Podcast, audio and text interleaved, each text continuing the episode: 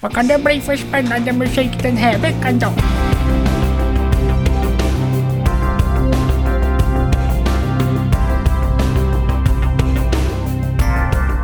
Välkomna ska ni vara till avsnitt 25 av Stulet Gods som är din favoritpodcast och också den bästa podcasten som handlar om musik. Här pratar vi om låtstölder och eh, lite grann om covers. Och vi eh, bestämmer vilka covers och eh, låtstölder som är eh, godkända och inte godkända. Alltså just det här att göra en godkänd cover. Det är ju viktigt. Det är viktigt. Ja, Men musikindustrin idag, alltså jag tänker mig att när vi pratar om covers så ska vi hålla oss ifrån de här släpiga akustisk gitarr, eh, nynnsång... Balladvarianten eller... Ja, jag menar hela Nyhetsmorgon på TV4 verkar ju handla om musiker som gör släpig musik och får komma dit och... Angående Nyhetsmorgon i TV4. När tänker de börja prata om nyheter? Ja, men det gör de också. Men Gör de det? jag tycker, jag tycker mest det är matlagning och... De har något sånt där program som heter Efter fem eller något sånt där, där det är ganska mycket nyheter. Men det borde heta Nyhetseftermiddag eller något sånt där. Men för Nyhetsmorgon, absolut. Det är dålig musik och matlagning som är grejen. Det är Godmorgon Sverige liksom. Det är ju Godmorgon Sverige. Då går vi vidare. En gång i timmen så sänder de ju faktiskt ett kort nyhetsinslag, så det kan ju, det kan ju vara det. Så. Ah, Nej, utan covers, det, det, det måste vara någonting. Vi ska prata om kriterier här, men framförallt så kommer det väl kanske hit för att lyssna på våra låtstölder, är det inte så? jo, absolut. Och det är ju, är ju alltid lika underhållande tycker jag. Ja, ja För visst. att det, det intressanta är den här outsinliga källan av låtstölder som finns. För det tar aldrig slut. Det tar aldrig slut. Och vi har ju så bra lyssnare, inte minst Fränka som har hört av sig till oss och tipsat om Coldplay, Viva La Vida. Och för er som är hårdrockare, alltså, Kommer det här göra ont? det här kommer att göra ont. Och jag kan tänka mig... Ja, men vet, du- vet du vad? Vi börjar med att lyssna på Viva La Vida med Coldplay från 2008. Den låter så här. Lyssna på den här skiten.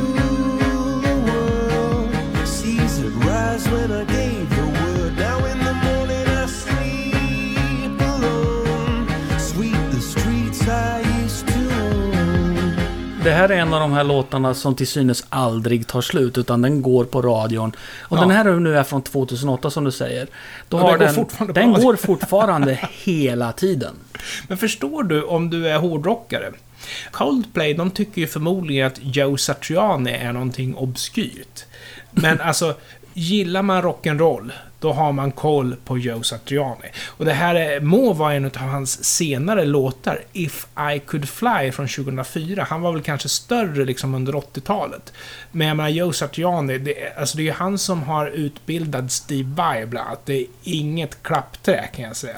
Nej, men sen tror jag alltså, nu är Coldplay ett band som, eh, som, som går över generationerna ska vi säga. Både äldre och yngre gillar ju Coldplay. Ja. Men ska vi säga de som är eh, liksom under 30 Mm. vet säkerligen inte vilka Joe Satriani eller Steve Vai är. Nej. Det tror inte jag. Nej, och det är därför jag misstänker att Coldplay tror att Joe Satriani är någonting obskyrt man kan sno ifrån. Och vad är det för låtstöld vi pratar om? Alltså, Henrik Andersson, Mm. lyssna på det här och säg mig, titta mig i ögonen och säg mig att inte Coldplay är klappträ.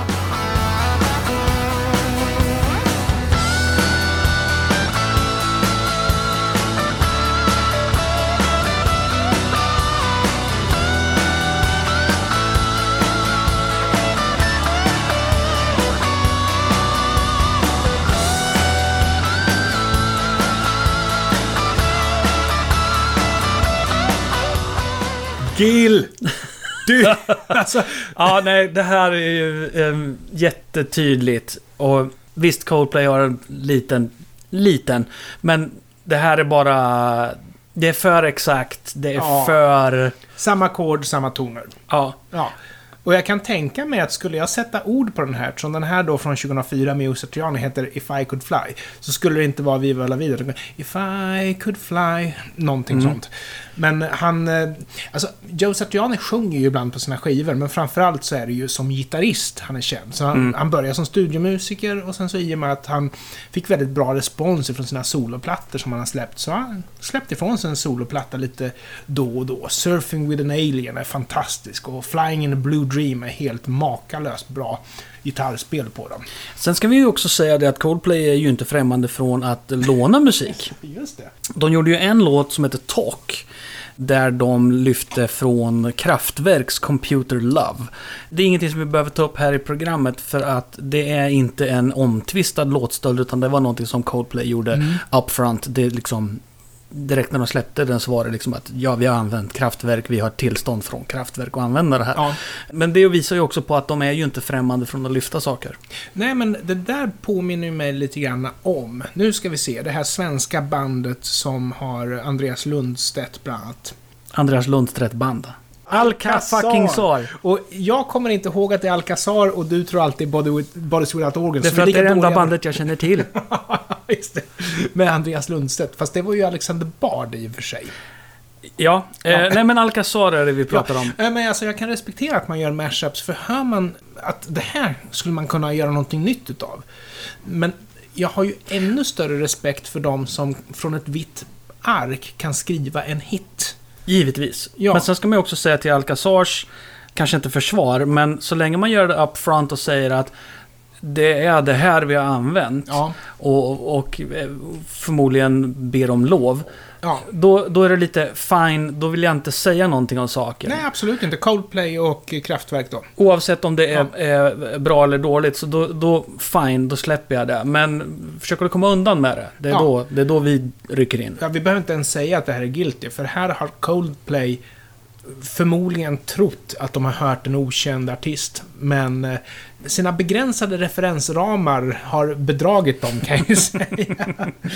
Och eh, jag håller med. Det vill jag bara inflika. Jag har inte sagt det rakt ut, så nu gör jag det. ja, ja, nej men det här är dåligt. Som sagt, gör någonting nytt av det, alldeles utmärkt. Alldeles utmärkt. Kommer du ihåg att vi har pratat om Kiss i eh, podcasten? Vad var det? För, förra avsnittet eller vad kan Ja, då tog vi upp två Kiss-låtar gjorde vi. Och det var ju God Gave Rock'n'Roll To You och sen den här låten som jag inte minns. Men den som de hade gett till Bonnie Tyler. Ja, Hide Your Heart. Mm. Och eh, vi ska fortsätta att prata om Kiss i det här avsnittet också. Då kanske lyssnarna undrar varför blir det så mycket hårdrock och så mycket Kiss i en podcast med Henrik Andersson? Det var för att det var jag som valde låtarna. Sen ska vi säga att jag har ju ingenting emot Kiss. eh, även om, alltså...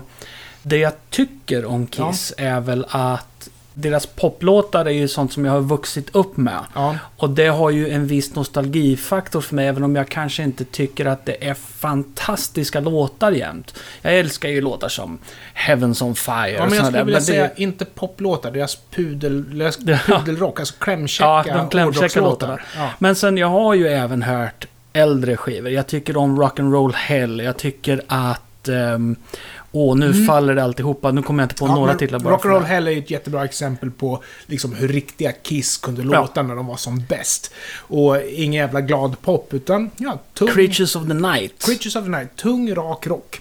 Creatures of the Night, själva titellåten, alltså det är en fantastisk skiva, men själva titellåten, där börjar vi ju känna liksom att de andades lite pop i titellåten. Det måste ha varit 83. 82, 83 där någonstans. Ja. Nej, 82 kanske snarare, för 83 är nog mera Lick It Up och det där. Mm. Men, Men- då hade de då, där tog de ju ett tydligt steg bort från discolåtarna de hade börjat göra. Ja.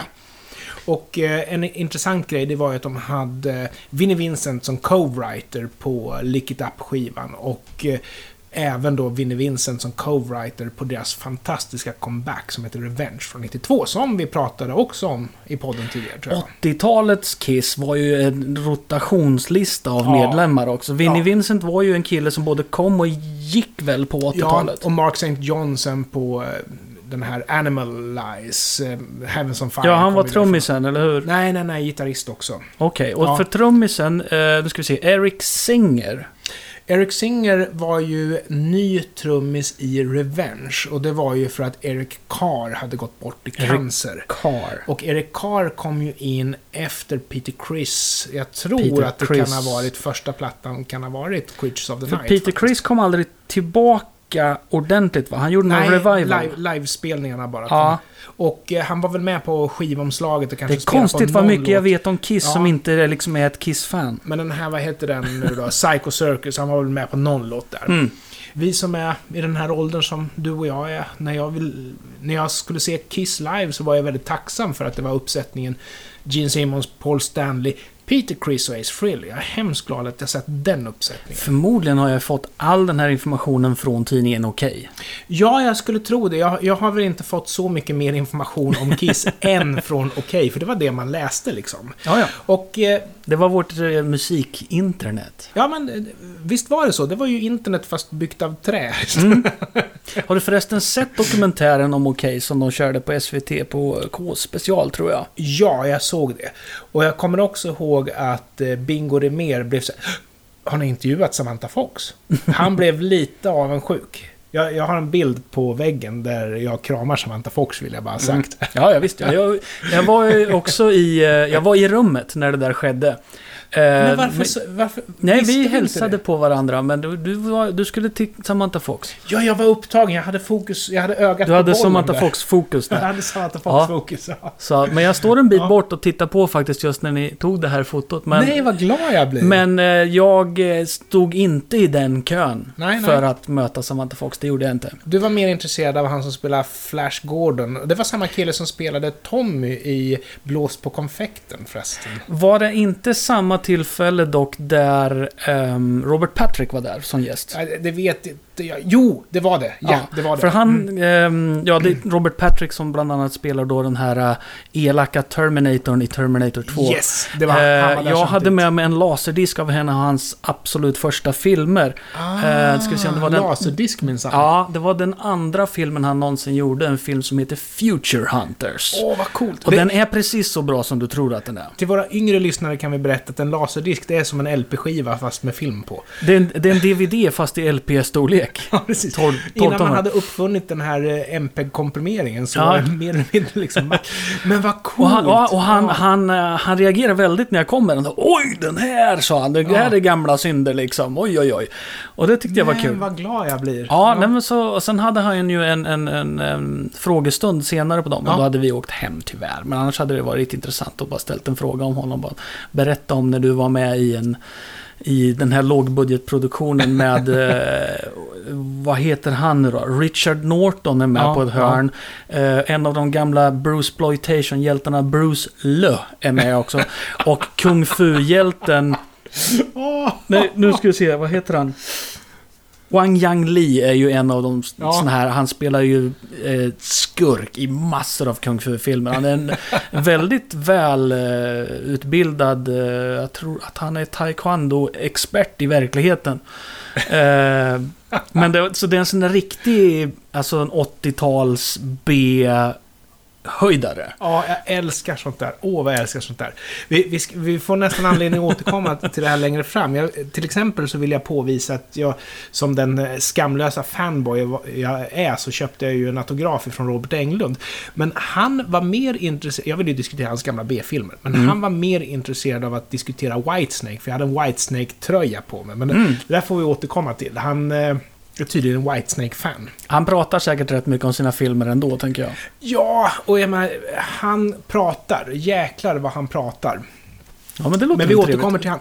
Nu ska vi däremot ta och besöka en av mina stora husgudar, nämligen Deep Purple. Ja, alltså, det är ett band som, visst, deras skivproduktion idag är väl kanske inte jätteintressant. De är duktiga och alltihopa men de är precis som Kiss, att deras fans vill höra dem live när de spelar sina gamla låtar. Och när man lyssnar på dem på skiva så är det deras gamla skivor som man lyssnar på.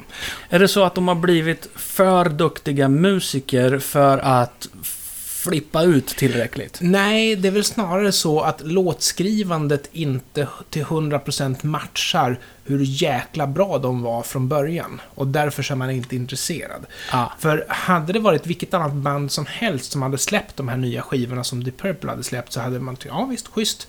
Men Deep Purple kommer aldrig kunna leva upp till sina gamla storhetstider. Och en av deras absolut bästa skivor som de någonsin har släppt är ju Machine Head från 1973. Och alltså, spår efter spår är perfekt. Och en av de här perfekta låtarna som kommer från Machine Head, det är Space Trucking. Det här är Deep Purple med Space Trucking från 1973.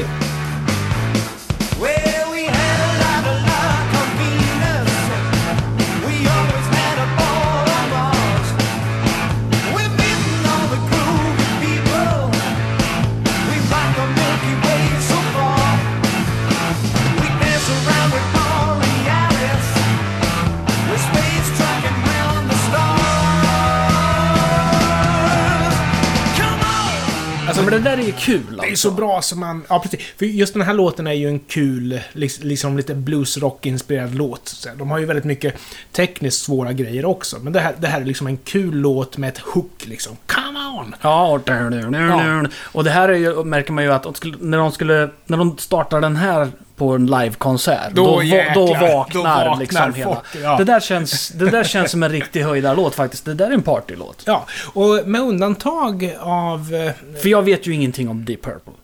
Jag gör ju Nej, inte nej, det. nej, okej. Nej, nej, för vi, Henrik och jag har väldigt olika bakgrund. Och Kiss är ju ett band som är väldigt restriktiva när det gäller covers, men vi har väl två stycken undantag som vi har tagit upp i podden och de undantag som finns kvar, de kretsar kring deras originalgitarrist Ace Frehley. Och han är ju svårt sparkade från Kiss. Ja, han, ja det, det, var, det var stort. Han, han åkte ut. Han eh, tog väl det ganska dåligt. Ja, och framförallt, han var väl lite chockad över att han faktiskt behövde dyka upp på repningar och i studion och sånt där. Vadå, är det grund för att få sparken? Att man inte kan liksom sitta, och vara, sitta hemma och vara full istället för att faktiskt dyka upp i studion? Är det grund för att få sparken? Han tog det inte bra, nej. Var det inte så att när han började göra sologrejer att han hette... Han, han hade ett band som hette Ace Frehley's någonting någonting. Eh, Comets. Comets. Ja. Hans grupp hette Comets, men nu kör han ju bara med Ace Frehley så att säga. Och av någon märklig anledning så lever han fortfarande på den här tanken om att ja, men det är bra att göra covers. Och alltså jag har funderat på det här. Försöker han nå en ung publik? För vem som helst som vet vem Ace Frehley är från Kiss borde ju också rimligtvis veta vilka Deep Purple är. Jag tycker det är rimligt. Ja. Och att då Ace Frehley gör cover på Space Trucking, det här är alldeles nytt, 2020. Så den här är liksom fortfarande Aha. rykande färsk, den här, alldeles precis släppt. Det kommer ju att jämföras med originalet. Och äh, vi- vi kan lyssna först. Ace Frehley, Space Trucking, 2020, låter så här.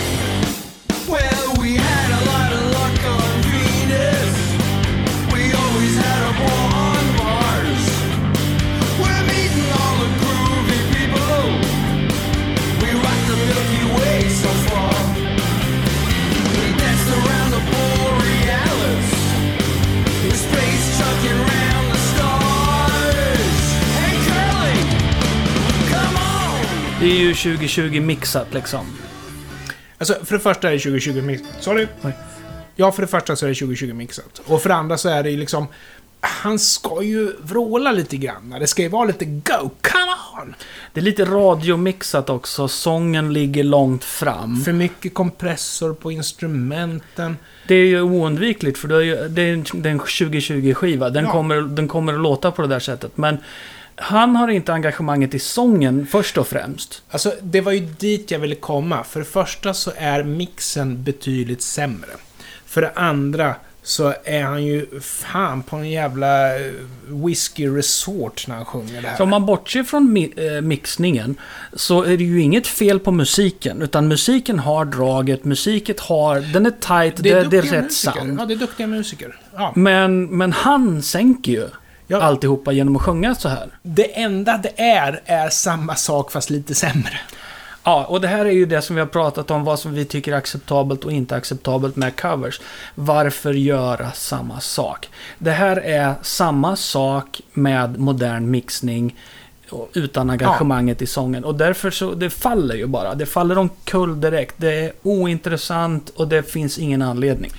Men som sagt, när det har varit covers i Kiss så har det ju varit eh, Ace Frehley som har varit drivande. Och eh, Kiss, det är ju liksom fyra på sitt sätt unika musiker som spelade tillsammans. Paul och Gene har väl varit lite grann ett radarpar liksom. Ja, men det är deras eh, Lennon McCartney. Ja, exakt. Och de flesta låtarna är ju skrivna av eh, Paul och Gene eller Paul eller Gene. Men eh, Ace Frehley, han var ju sångare och gitarrist och eh, har ju som sagt haft en solokarriär utan Kiss och han sjöng ju på vissa Kiss-låtar. Peter Criss, eh, som för övrigt var jazztrummis.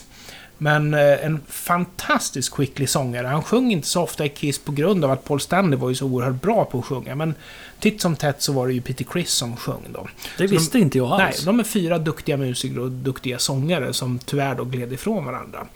Och eh, i och med att det är covers så kan man ju då tänka sig att det är ett av Ace Frehleys projekt. Så låten 2000 Man, det var ju Ace Frehley som sjöng in den och det var förmodligen han som drev den. Och du har också det här, alltså det finns andra band där man har den här tendensen att när Ace Frehley kör sin grej, då spelar han i princip alla instrument själv. Liksom. Och i Queen så hade du ju samma fenomen när Roger Taylor hade liksom skrivit någonting som han gillade. Ja, då sjöng han, spelade gitarr, spelade trummor, spelade bas liksom. Han, han, han körde sitt race. Men han exploaterade då namnet Queen för, för att nå ut, precis som Ace Frehley gjorde med Det var han Kiss. som var i studion den dagen. Det var han som var i studion den dagen. Men här har vi någonting intressant då. Alltså Rolling Stones, de släppte ju den redan 1967. Det här är alltså sena Stones. Både Beatles och Stones gjorde ju den här resan från glad pop till bedrövligt flum till seriös rock. Mm. Och den här låten är från den tiden då Rolling Stones släppte Bedrövligt Flum 1967. 2000 Man låter så här. Well,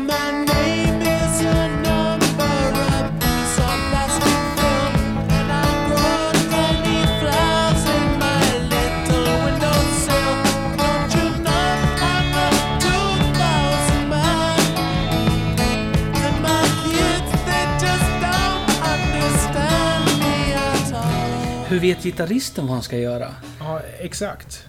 Oerhört svårt att följa trummorna här. Ja, alltså, man hör bakom allt skit, ursäkta, bakom allt flum, att det är en bra låt. Men de lyckas inte riktigt liksom, nå fram det. Så det här kanske var den låten som Ace Frehley skulle upptäcka. Och eh, vi pratade ju också om Kiss, att de gick ju från att vara bra rock'n'roll till att vara disco till att vara liksom pudelrock. Mm. Och det vi ska lyssna på nu, det kommer ifrån Kiss riktiga disco-era. Det var då de hade en hit med I was made for loving you. Det kommer från samma skiva, Dynasty. Och eh, det här är alltså 2000 Man och tyvärr får jag ju nästan säga ett av de bättre spåren på den skivan eftersom det här fortfarande låter som rock. Men det är då alltså en Rolling Stones-cover. Och eh, det här är ju en av de låtarna med Kiss där inte Gene eller Paul sjunger utan faktiskt Ace Frehley sjunger. Så förmodligen så är det ju här hans lilla grej då. Men 1979, 2000 Man med Kiss. Well,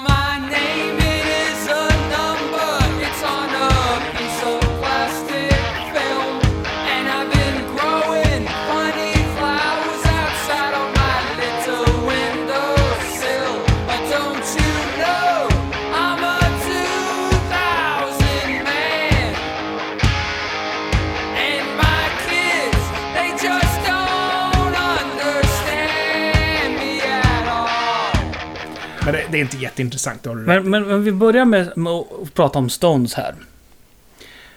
Som du säger då att eh, Stones de eh, började med eh, pop, eller ja rockpop är det ju. Och sen så blev de flummiga och sen så Mm. skärpte de till sig. Eh, kan man säga då att de eh, blev kända, fick pengar, började knarka, spelade in 2000 Man. Ja, men det är klart det är så. Det, det är exakt samma eh, Across the Universe med Beatles liksom. För det här är, den är, den är konstig. Ja, Beatles gjorde samma resa. Det var bra och trevlig pop, sen blev det indiskt flum och sen så skärpte de till sig. Mm. De har gjort samma resa skulle jag säga, både Beatles och Stones. För Stones-låten är ju, alltså sången är bara, vad, vad håller han på med?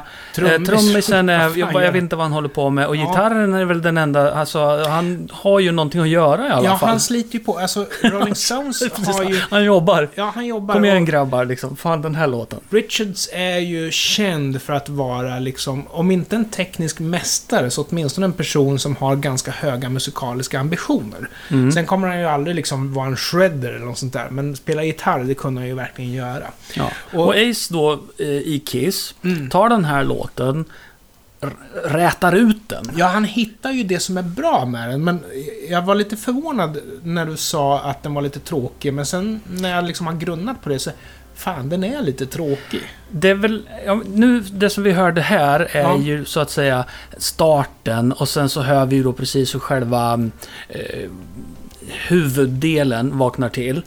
Och det är ändå väldigt rakt och eh, enkelt. Mm. Men det är ju, det är ju tusen gånger mer en låt än vad Rolling Stones har spelat in. Exakt, och jag skulle nog säga att Kiss har gjort en hit av 2000 Man. Vilket Stones inte lyckades göra. Ja, nej men jag godkänner ju det här på alla plan.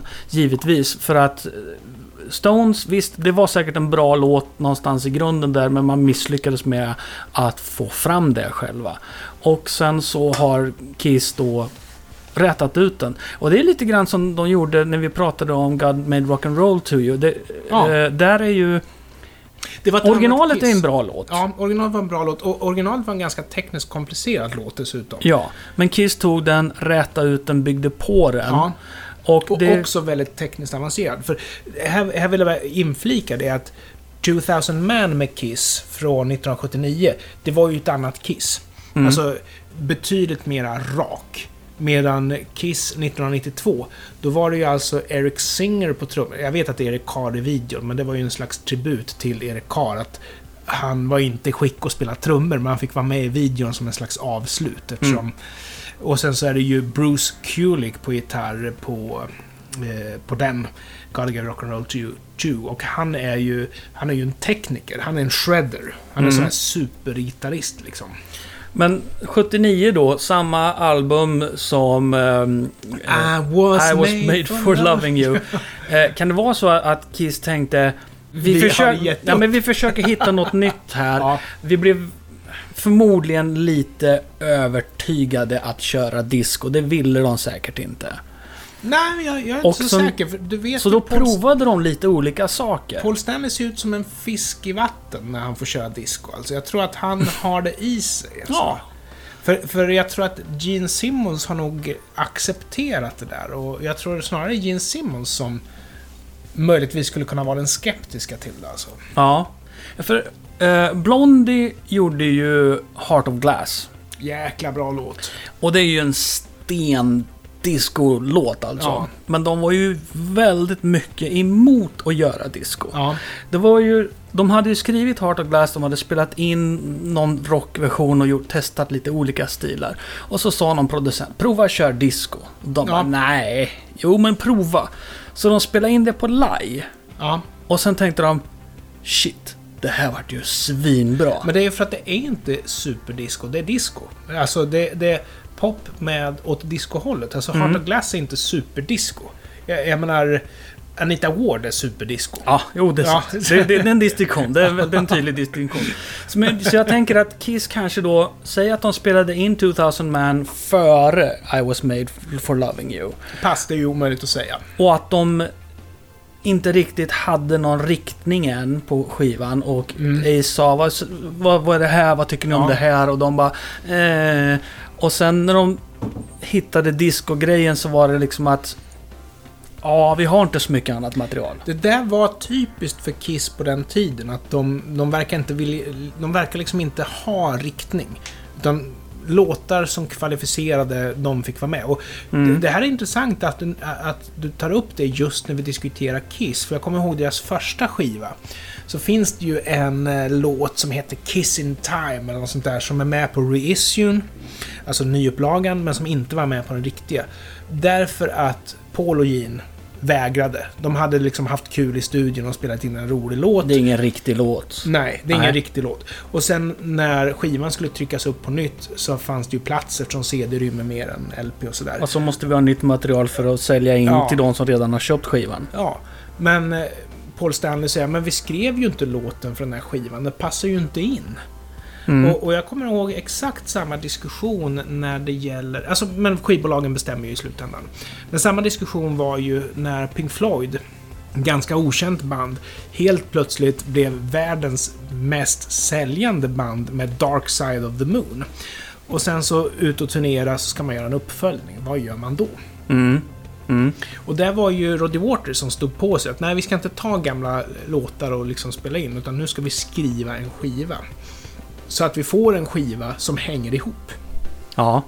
Och Pink Floyd lyckades ju följa upp. De släppte ju Wish You Were Here 1975, alltså en perfekt uppföljning till Dark Side of the Moon. Naturligtvis så sålde den ju inte lika mycket, men det är i princip ingen annan skiva som har sålt så mycket. Det är väl Eagles Greatest Hits, Michael Jacksons Thriller, Meatloaf, Out of Hell och några Mm. till. Alltså extremt få skivor har sålt så oerhört bra som Dark Side. Liksom. Ja. Och den, den kan ju släppas i nya versioner Ja. da, dagligen och det säljer ju ändå. Ja, det Ja, säljer men ju ju, ändå. den finns ju garanterat i Super Extra Surround Blu-ray special. Gud, ja, gud, ja. Liksom. Jag har två versioner på CD. Jag lovar dig att just nu så spelar ett Deep Purple coverband någonstans på jorden. Ja, ja, garanterat. Och ett Kiss-coverband, det Ja. törs jag lova. Nej men vad, vad kul, vad kul att vi har fått penetrera två stycken intressanta covers, du. Vi ska prova att inte prata så mycket om Kiss. Vi ska hitta ett annat band som vi ska dra upp eh, oavbrutet istället. Ja, men jag tror att vi är rätt färdiga med Kiss nu, är vi inte det? Det finns säkert mer att säga om dem, men för variationens skull så ska vi försöka hitta lite annat och eh, klämma in i programmet som är ert favoritprogram i hela världen. Och när ska ni höra av er till Henrik då? Nu! Och varför ska ni höra av er till Henrik? Eh, jo, men det är ju sådär, jag är fortfarande på jakt. Mm. Jag vill ju ha tag i ett... Um, någon specifikt band som uppfyller vissa kriterier och det, Mm. det är svårt. Det är svårt. Jag har ju nämnt det här tidigare, så jag tar det igen. Jag letar alltså efter en artist eller ett band som har blivit kända med en cover på en annan känd låt. Och som sen fortsatt att ha hits. Answers on a postcard. Twittra till mig på atcamouflage underscore c-o-m-m-o-f-l-a-g-e underscore.